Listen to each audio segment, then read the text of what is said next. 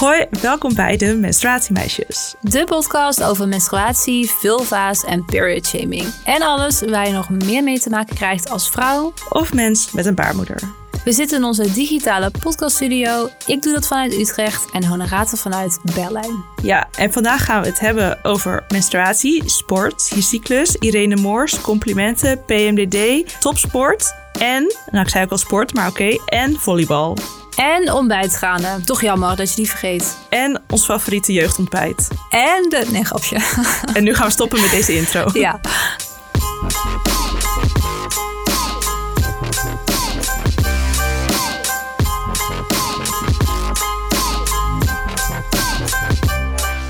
We hebben een mededeling. Honorata, jij mag hem geven, denk ik. Jouw idee, Ja. jouw mededeling. Horen jullie het al? ik hoop dat je dit hoort, dat we iets te vertellen hebben. Ja, ook echt stil te, Ja, stil laten van. vallen, zodat we het extra goed kunnen horen. Maar dat werkt juist niet hierbij. Nee. Eh Lieke en ik hebben echt eh, uren, denk ik, besteed aan het ophangen van akoestische dekens, audioblankets. Ik weet niet, we gebruiken er verschillende woorden voor. Eh, en als het goed is, is het geluid nu veel beter. Ja, ik hoop het, want eh, uren is echt een understatement. Niet per se aan het ophangen, maar dat geboor. Jij had het ook zwaar, hè, met dat boren. Zo. Ja, ik ben nog niet klaar. Ik moet ook zeggen, mijn geluid wordt, als het goed is, nog beter. Want ik kon maar drie van de vier dekens ophangen wegens technische issues. Ja, Oké. nou, oké. Dat was de update over het geluid. Ik hoop dat het goed gaat. Nieuwe koffer, nieuw geluid. Elke aflevering stap je erbij. Ja. Oh, wat gaan we snel. Ja. En dan gaan we nu snel naar de echt of nep. Eh zometeen gaan we het hebben over Liekes favoriete onderwerp. Met onze gasten Emma Paternotte en Floor Siebrandi. Maar eerst de echt of nep. Ja, ik heb erg mijn best gedaan deze keer. En eh, ik vind hem erg leuk geworden, al zeg, ik zeg ik het zelf. Is dit echt of nep? Een menstruatiemerk heeft Period Crunch ontwikkeld. Roze ontbijtgranen in de vorm van baarmoeders om het gesprek over menstruatie op gang te brengen. Ik denk nep. Nou, weet je waar ik dus het meest bang voor was? Nou, Niet dat je het goed of fout zou hebben, maar dat je het al kende. Het is namelijk echt, ik vind het namelijk Ai. ook echt een echt of nep voor jou, die jij dan ontdekt hebt. Ja, ja. Nou, goed gedaan, maar het, nou ja, dank je. Maar het was gewoon eh, oldschool, lieke naar Google, menstruatie en dan tap je nieuws. En eh, dit eh, kwam naar boven. Het is dus echt, eh, ik dacht eerst dat het ook nep was. Ik dacht dit is een 1 april grap, maar niets bleek minder waar te zijn. Het gaat om het merk Intimina. Ken je dat nog? Gewoon Ik ken het nog. Schijnt een van onze eerste Instagram-posts te zijn. Ja, exactly. Zie Instagram. Ehm, maar anyway, de ontbijtgranen hebben de smaak van framboos. En je melk wordt dan ook rood. Dat hebben ze expres gedaan. Oké. En ik wilde even aan jou vragen, Narata. Wat had jij vroeger als ontbijt? Eh, hoe oud? Ja, als kind. Als zeg maar basisschool. Oeh, ik denk eh, witte, dubbelgevouwen tijgerbro tijgerbrood boterhammen met iets ertussen. Ja, het ging me even om wat er dan tussen zat. Toen was Heel specifiek. vegan. Kaas of zo, ja. Oh, gewoon kaas. Oké. Nou, ik was, eh, ik zat in de categorie zoet en ik had altijd van die fans, hagelslag eh, met alle kleuren van de regenboog of schuddenbuikjes. En op die verpakkingen stond dan altijd een raadsel of een mop. Ja. En ik denk dat eh, Intimina zich hierdoor heeft laten inspireren. Want ze hebben op de verpakking hebben ze een diagram van het vrouwelijk voortplantingssysteem gezet. Zodat mensen kunnen bepalen, ja, waar zit die baarmoeder nu eigenlijk? Kan ze wel eten, maar waar zit die eigenlijk? Nou, is dat even Slim. leuk. Het is alleen niet te koop. Ik dacht, oh, dit is een leuk cadeau voor jou, voor je menstruatiemuseum. Ja. Maar om er eentje te bemachtigen, moet je mailen naar het reclamebureau dat dit product bedacht heeft. Dat is een beetje jammer, toch? Ik heb dit ook al ooit gedaan voor een ander eh, product. Dat was die unsanitary towels. Dat er dan zo sokken en papier en zo in zaten. Ik heb nooit reactie Ja. gehad. Dus mijn menstruatiemuseum is echt een één incomplete toestand. Ja. Ja. Maar misschien heb je dan toch nog gelijk, want dan bestaat het toch ook niet echt. Ik kan toch niet zeggen dat je een product hebt ontwikkeld en het dan niet verkopen of Ja. ter beschikking stellen. Het is gewoon weird. Ja, Maar, dit wordt me ja, veel te metalieke. Dit wordt, ja, ach, hè, zo Ja. ben ik. Eh, en we hebben weer een menstruatiemail. nou heb ik vandaag behind the scenes met Lieke besproken dat ik geen complimenten meer mocht voorlezen als menstruatiemail. Maar deze begint toch nog even met een compliment. Ok? Ja, ok. Als het nu is meteen duidelijk dat ik heb gezegd, nee, dat wil ik niet, maar is goed. Oké, komt-ie. Hi, bedankt voor jullie geweldige platform. Dankzij jullie podcast heb ik betere hulp en behandeling gekregen voor mijn PMDD en leer ik beter met mijn 11-jarige dochter te praten over menstruatie. Zodat zij, mocht zij ook ooit PMDD of iets dergelijks krijgen, niet tot haar 42ste hoeft te tobben voordat ze goed wordt geholpen. Ik ben na jaren gestopt met de prikpil omdat het effect steeds minder werd. De PMDD kwam er steeds eerder doorheen breken met stemmingswisselingen, onredelijke woede, onzekerheid, paniekaanvallen en nachtmerries.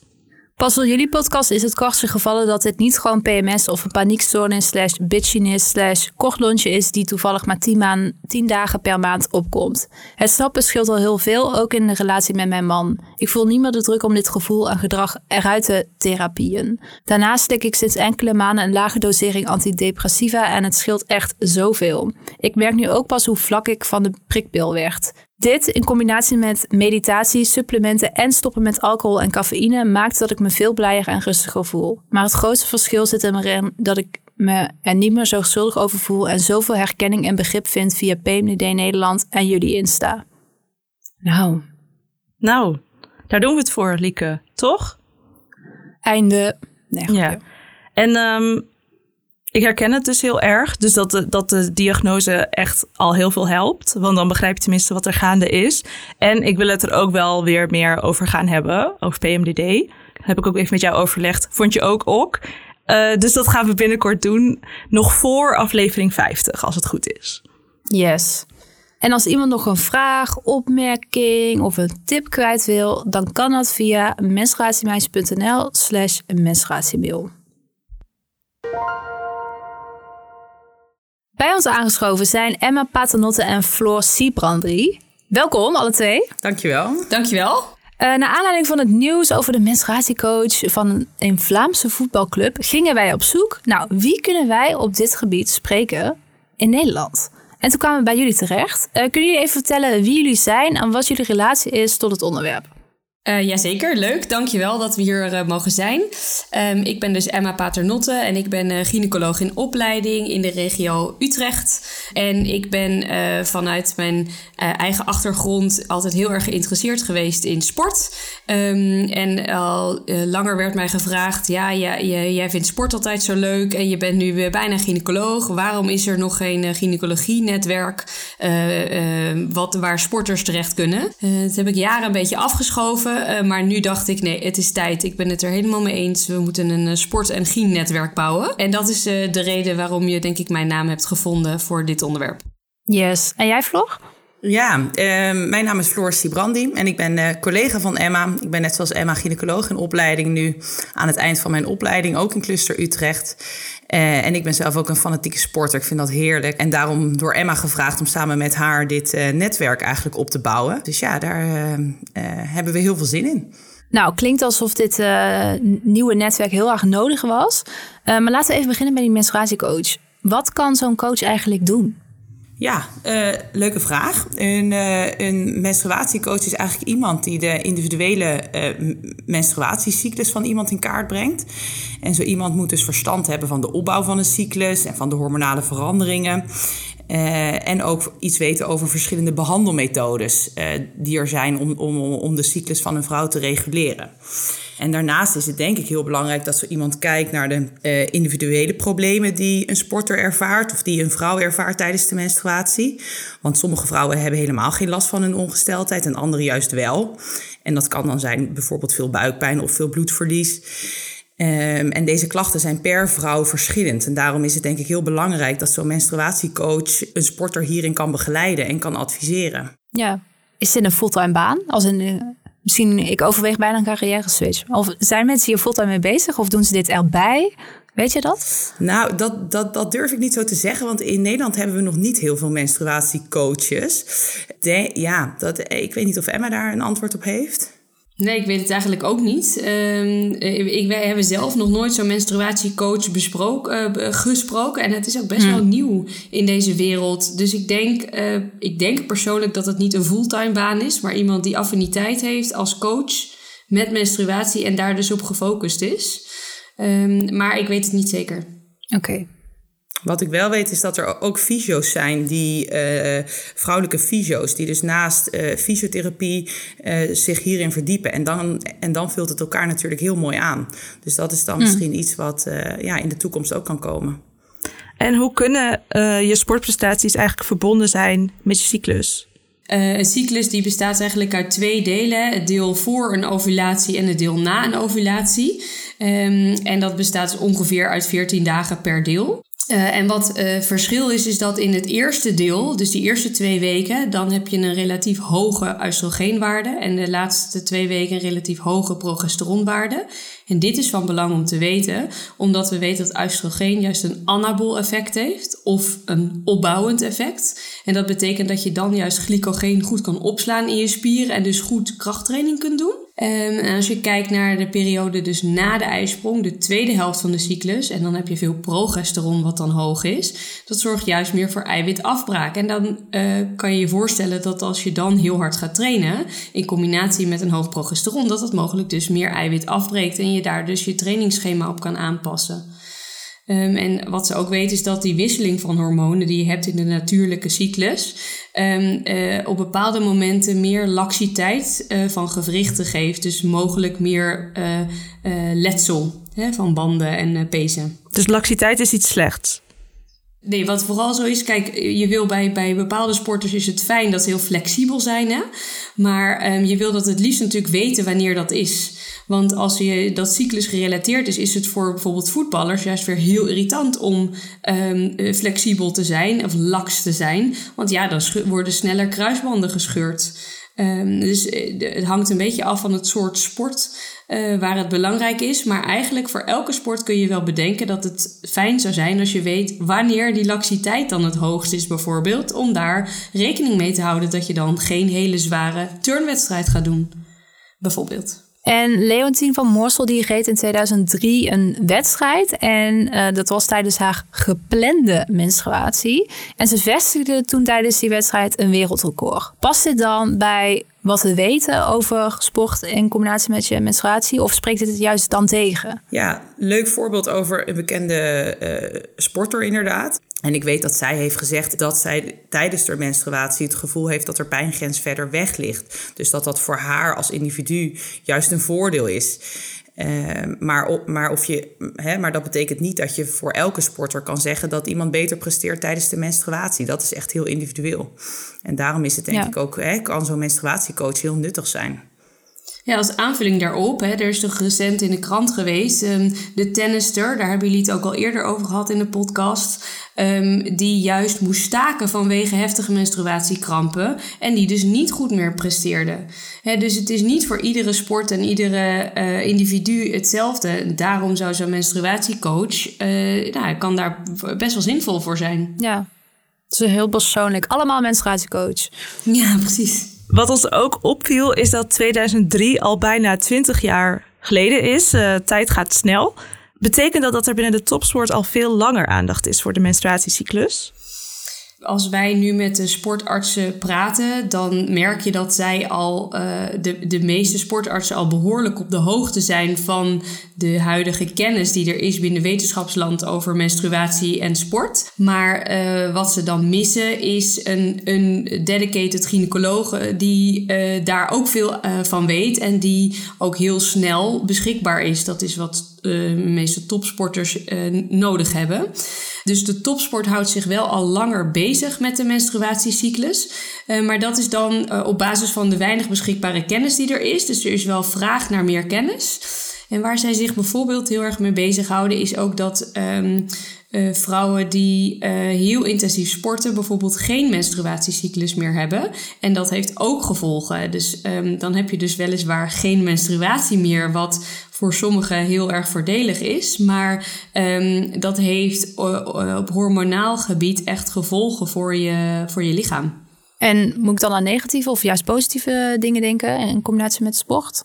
Um, eigenlijk alleen maar negatieve dingen, um, wat mij betreft. Maar dat, komt, dat zal de sporter denk ik niet zeggen. Want een, uh, veel, veel, sporters voelen dat als zij um, niet meer menstrueren, dat het goed is. Hè? Dus binnen sportland is dat een teken van, nou dan ben je zo fit dat je niet meer menstrueert. Terwijl dat eigenlijk uh, tegenovergestelde is. Je bent zo, zo getraind dat je menstruatie daarvan uitblijft. En dat heeft uh, uh, gevolgen voor andere hormonale um, systemen in je lijf. Ja, dus eigenlijk is fit niet het goede woord hier. Nou, fit misschien wel, maar gezond misschien niet. Hè? Want je hebt zowel korter als langer termijn gevolgen. en dat is iemand wat je als topsporter niet altijd realiseert. Dus ik denk dat dat ook heel, heel belangrijk is, dat dat steeds meer bekend is en ook onder de sportartsen steeds uh, bekender is. Dat het uitblijven van een menstruatie bij topsporters, dat dat zeker een punt van aandacht is. En dat de topsporter in ieder geval moet weten wat de gevolgen zijn op lange termijn. En dan is het natuurlijk alsnog aan haar de keus of ze daar wel of niet wat mee wil. Ja, en overigens weten we daar inmiddels wel al wat meer over. Uh, je kan dan denken aan korte termijn uh, problemen of gezond negatieve uh, invloed op prestaties. Is bijvoorbeeld dat je een hogere kans hebt op stressfracturen. Dus het breken van botten door te hoge trainingsarbeid. Verminderde weerstand, minder snel herstel. en ook dus verminderde spiermassa en functie en daardoor verhoogde blessurerisico. En op lange termijn uh, weten we dat je een verhoogde kans hebt op botontkalking en ook hart- en vaatproblemen. Um, dus in die zin is uh, een menstruatiecoach voor, voor sporters enorm belangrijk. Marissa hier van Vriend van de Show met een boodschap van algemeen nut. Deze podcast wordt met veel liefde, plezier en eigen geld gemaakt. Wil je de maker steunen? Ga naar vriendvandeshow.nl en word vriend.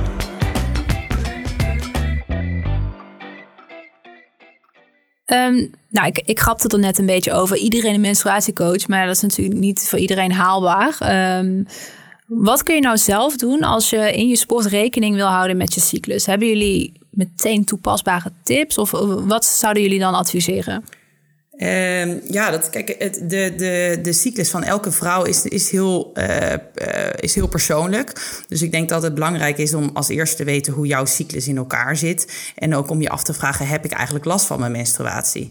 En op het moment dat je daar geen last van hebt, dan denk ik ook niet dat je per se uh, iets hoeft te doen. Maar op het moment dat je wel last hebt van je menstruatie, en dat kan zijn doordat je veel buikpijnklachten hebt en daardoor minder lekker in je vel zit of minder goed kan sporten of doordat je veel bloedverlies hebt en je daardoor minder fit voelt. Uh, dan is het een reden om daar in ieder geval met je huisarts of met een gynaecoloog het daarover te hebben. omdat er verschillende behandelopties voor zijn. en is er. Um, kun je zeggen dat er dan in de eerste helft van de cyclus sporten zinvoller is dan in de tweede helft? Vanwege dat anabole effect? Nou, kijk, zo, zo als ik mag zeggen, stellig, als je het vraagt, kun je dat eigenlijk niet zeggen, denk ik. Omdat um, uh, sommige mensen dus richting hun menstruatie juist baat hebben bij, uh, die kunnen meer aan. Um, en um, de onderzoeken hier, die hierover gaan, die wisselen ook nog wel. Um, is eigenlijk wat, wat we hierin heel graag zouden willen, is dat je een, een overzichtsonderzoek hebt, hè, waarbij alles wat we nu weten op één hoop wordt gegooid. En je daar dan een soort um, ja, abstractie van kan maken van wat werkt nou wel en wat werkt nou niet. Want zo'n onderzoek bestaat er niet, een review noem je dat. Um, en uh, ja, ik zou dat heel graag willen, willen ontwikkelen, zodat je daarmee echt uh, individueel advies kunt geven aan de sporter en ook aan de sportartsen. Ik dacht even een excuus te vinden waarom ik in de tweede helft van mijn cyclus niet hoef te sporten. Maar dat uh, nee, heb ik helaas. nog helaas. niet bereikt hiermee. Ja. En nee, um, ja? Ik wou nog even toevoegen daaraan hè, dat, um, kijk, voor, voor uh, de gewone sporter is het uh, leuk en relevant om hierover na te denken. Maar voor de topsporter gaat het om die extra percentages waarin je absoluut moet presteren. En dan zijn dit soort nuances hè, heel belangrijk, want dan kan je niet drie dagen overslaan. Of je kan niet zeggen, ik stel die wedstrijd uit, terwijl voor nou ja, ons als uh, amateursporters. Het gewone hè, volk, ja. Gewone volk, ja, is dat natuurlijk uh, veel makkelijker te regelen. En daarom um, uh, zie je de extreme en de extreme vragen hierover ook eerder bij topsporters ontstaan. En wat je ook vaak hoort is dat sport en beweging kunnen helpen bij bijvoorbeeld een pijnlijke menstruatie. Is dat echt zo? Kunnen jullie dat in de onderzoeken terugvinden? Ja, dat, dat, dat vinden we een lastige vraag om te beantwoorden. We hebben daar zelf de onderzoeken uh, niet over gelezen. Uh, maar het is natuurlijk wel zo dat endorfine, hè, die vrijkomen bij uh, het sporten, wel zouden kunnen helpen bij een vermindering van de pijn uh, tijdens de menstruatie. Dus het is inderdaad iets wat wij ook wel vaak horen, maar waarvan er ook nog niet een goed onderzoek is gedaan, zoals Emma net hè, beschreef. Dus dat zijn allemaal dingen die wij graag ja, verder zouden willen uitzoeken, zodat we daar gewoon goede gegevens over hebben. En daar ja, de sporter en, en de topsporter mee kunnen helpen. Want hier is weer dat onderwerp van die tennisser. Uh, wat in de krant stond. Uh, die heeft dus geen baat bij zo'n pijnlijke menstruatie gehad. Maar ja, Leontien van Morsel beschreef wel dat ze daar baat bij had. Ja, er zijn dus factoren die, we, die wisselen per persoon, dan wel die we nog niet weten, uh, die hiervan invloed kunnen zijn. Ja. Mm, ik heb ook last van uh, pijnlijke menstruaties. En nou, ik ben geen topsporter, maar ik moet soms wel gewoon naar mijn volleybalwedstrijd. En dan uh, nou, slik ik pijnstilling. Maar ik heb dan het idee dat tijdens de wedstrijd dat adrenaline gewoon heel goed helpt om uh, er doorheen te komen. Of dat die juist de pijn uh, overstijgt. Weten jullie wat de invloed is van adrenaline? Ja, uh, pijn en pijnbeleving, dat is een, een onderwerp wat veel bij de gynaecologie en dus ook bij verloskunde, bevallingen naar voren komt. Uh, want bij bevallingen heb je ook pijn en de beleving daarin is dan heel belangrijk. Um, hoe pijn precies ontstaat en de, en de beste behandeling die daarvoor is, daar heb je doktoren voor, de anesthesioloog. En die weten dat veel beter dan de gynaecoloog. Uh, maar als je kijkt naar die internationale uh, definitie, dan wordt er gezegd: het is een onplezierige en sensorische en emotionele ervaring geassocieerd met actuele of potentiële weefselschade, of, of beschreven in dergelijke termen van schade. dus je kan dan daaruit opmaken dat pijn niet alleen te maken heeft met waar het zit en hoe het voelt en hoe erg het is en hoe lang het al duurt, maar ook te maken heeft met hoe je het emotioneel ervaart. Hmm. Um, en we zien dat sporters door adrenaline de pijn tijdens de wedstrijd bijvoorbeeld vaak wel meevalt. En uh, je kunt je misschien voorstellen dat dat dan komt doordat die emotionele beleving ander, anders is. Dus dat de pijn er daadwerkelijk wel is, maar dat het minder goed aankomt in je brein en daardoor minder een pijnsignaal aan je geeft omdat je er, je er dan minder op kan focussen? Omdat je zo afgeleid bent door het sporten? Is dat wat je bedoelt? Bijvoorbeeld. Ja. Bijvoorbeeld, ja. Hmm. Oké. En jullie hadden het net al, of jullie noemden net al een paar dingen waarover nog te weinig bekend is. Wat zijn dan nu echt die prangende dingen waarvan jullie zeggen: dit moeten we echt weten op het gebied van menstruatie en sport?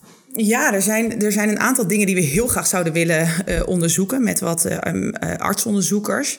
Uh, wat we bijvoorbeeld niet weten is wanneer sporters precies het kwetsbaar zijn voor de blessures. Daar hadden we het net ook al even over qua laxiteit. En wat we ook niet weten is bij sporters die niet menstrueren hoe lang het uitblijven van de menstruatie moet duren om uiteindelijk die, die nadelige effecten te hebben. we, we, weten dat het uitblijven van de menstruatie kan zorgen voor uh, nadelige effecten op zowel kort als lang termijn.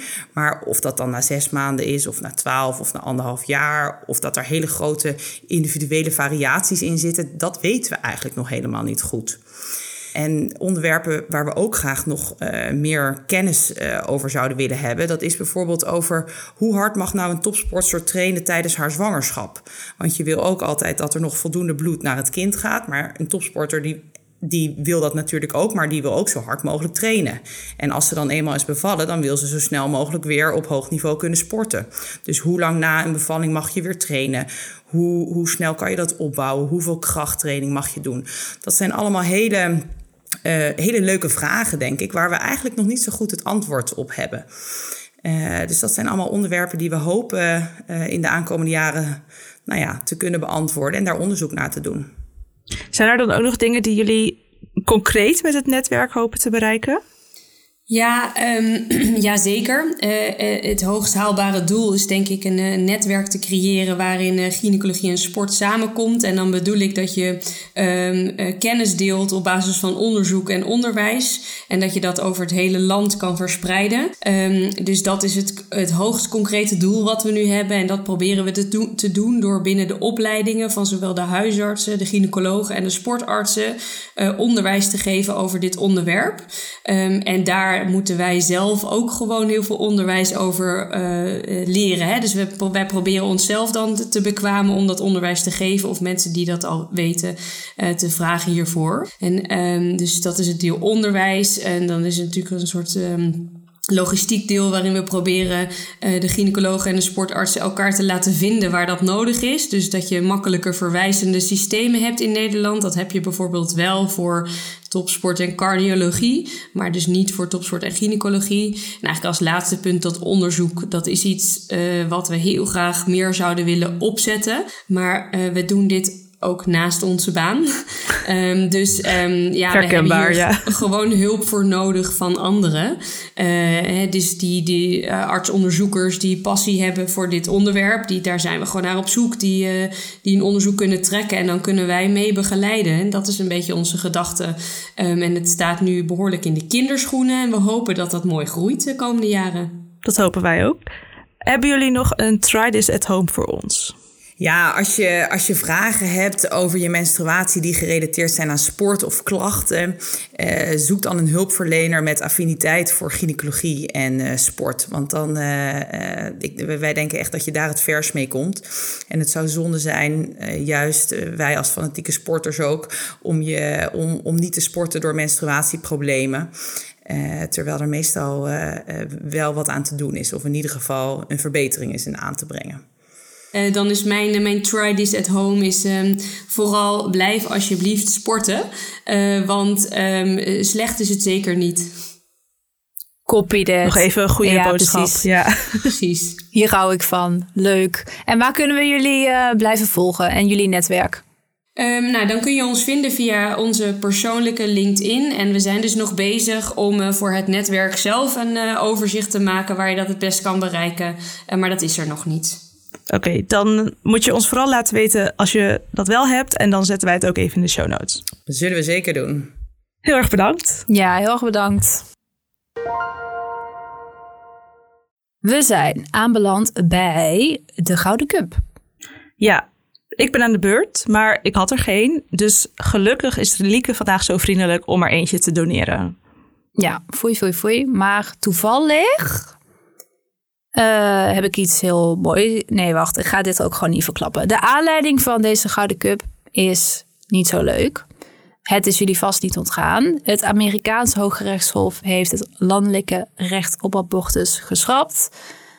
En ja, wat dat, wat dat betekent moet je even via nws.nl lezen. Het maakt me een beetje bang, omdat het uh, de beslissing gestoeld is op het privacy recht. En dingen als anticonceptie en het homohuwelijk zijn daar ook op gegrond. Maar dat fundament is nu weggehaald. Dus uh, het is sowieso al een nachtmerrie waar we in zitten. En ik ben nog echt ja, gewoon heel bang uh, voor wat gaat volgen. Nou, even twee dingen wil ik daarover kwijt. Allereerst zijn we helemaal voor abortus. En ten tweede, ik zag een post bij Feminist. En die zag er als volgt uit. Ik ga even proberen het heel goed te omschrijven. Maar goed, het blijft de podcast. Aan de linkerkant staat policies people believe will reduce abortions. En dan staat er een heel groot blokje met banning abortion. En dan aan de rechterkant policies that actually reduce abortions. En dan staan er dingen als access to free contraceptives, comprehensive sex education, paid family leave, nou, et cetera, et cetera. Dus naast dat het echt schending van mensenrechten en alles is, is het ook gewoon freaking stupid. Uh, want abortie blijft gewoon bestaan, alleen onveilig en nou, gewoon gevaarlijk. Um, terug naar de nou, Gouden Cup. Ik, terug, ja, dat was de aanleiding. Terug naar de Gouden Cup. Die wil ik graag uitreiken aan Olivia Rodrigo en Lily Allen. Die tijdens Glastonbury, dat is een festival in uh, de UK, letterlijk en figuurlijk hun middelvinger opstaken naar het Supreme Court. En terwijl ze dat deden, zongen ze samen het liedje Fuck You, nou, van Lily Allen dus. Ja, ik kreeg echt kippenvel. En niet alleen omdat Olivia al die judges bij naam aan het noemen was. En ja, normaal ben ik niet echt fan van dat, want persoonlijk, maar I don't care in this situation. Uh, maar ik, waar ik ook kippenvel van kreeg, is dat die compleet, coupletten van Fuck You echt ineens geschreven leken voor deze situatie. En ik heb even vier citaten of vier lyrics eruit gehaald. Namelijk, Your point of view is medieval. Do you get, do you get a little kick out of being small-minded? You say you think we need to go to war. Well, you're already in one and no one wants your opinion. Ik zal een linkje in de show notes zetten na het optreden. En Bedankt, bedankt voor het luisteren. Ja. Mooi synchroon, top. Wij blijven nog even plakken voor de bonusaflevering, waarin we het deze keer helemaal anders gaan doen. Want we hebben nieuwe plannen voor de bonus. En die kun je horen als vriend van de show via vriendvandeshow.nl slash menstruatiemeisjes. Beetje bonusception, maar overleven jullie wel, denk ik. Ja, is oké. Is ook. De volgende aflevering gaan we weer een beetje de communicatiemeisjes uithangen. We gaan mensen inbellen, maar dat weten die mensen alleen zelf nog niet. Hoe en wat precies houden we nog even geheim. Maar we kunnen alvast zeggen dat we er maanden naar uit hebben gekeken. Dus can't wait. Wil je die aflevering niet missen? Volg ons dan op Instagram, Spotify en Apple Podcasts, menstruatiemeisjes. En plaats dan gelijk ook een leuke review of tik even die 5 sterren aan, want zo kunnen meer mensen deze podcast ontdekken. Doei! Doei!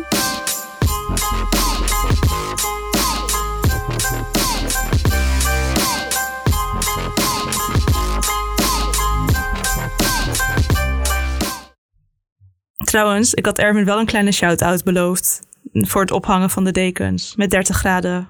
Dus je plakt dit maar als Easter egg. En nu? Bedankt.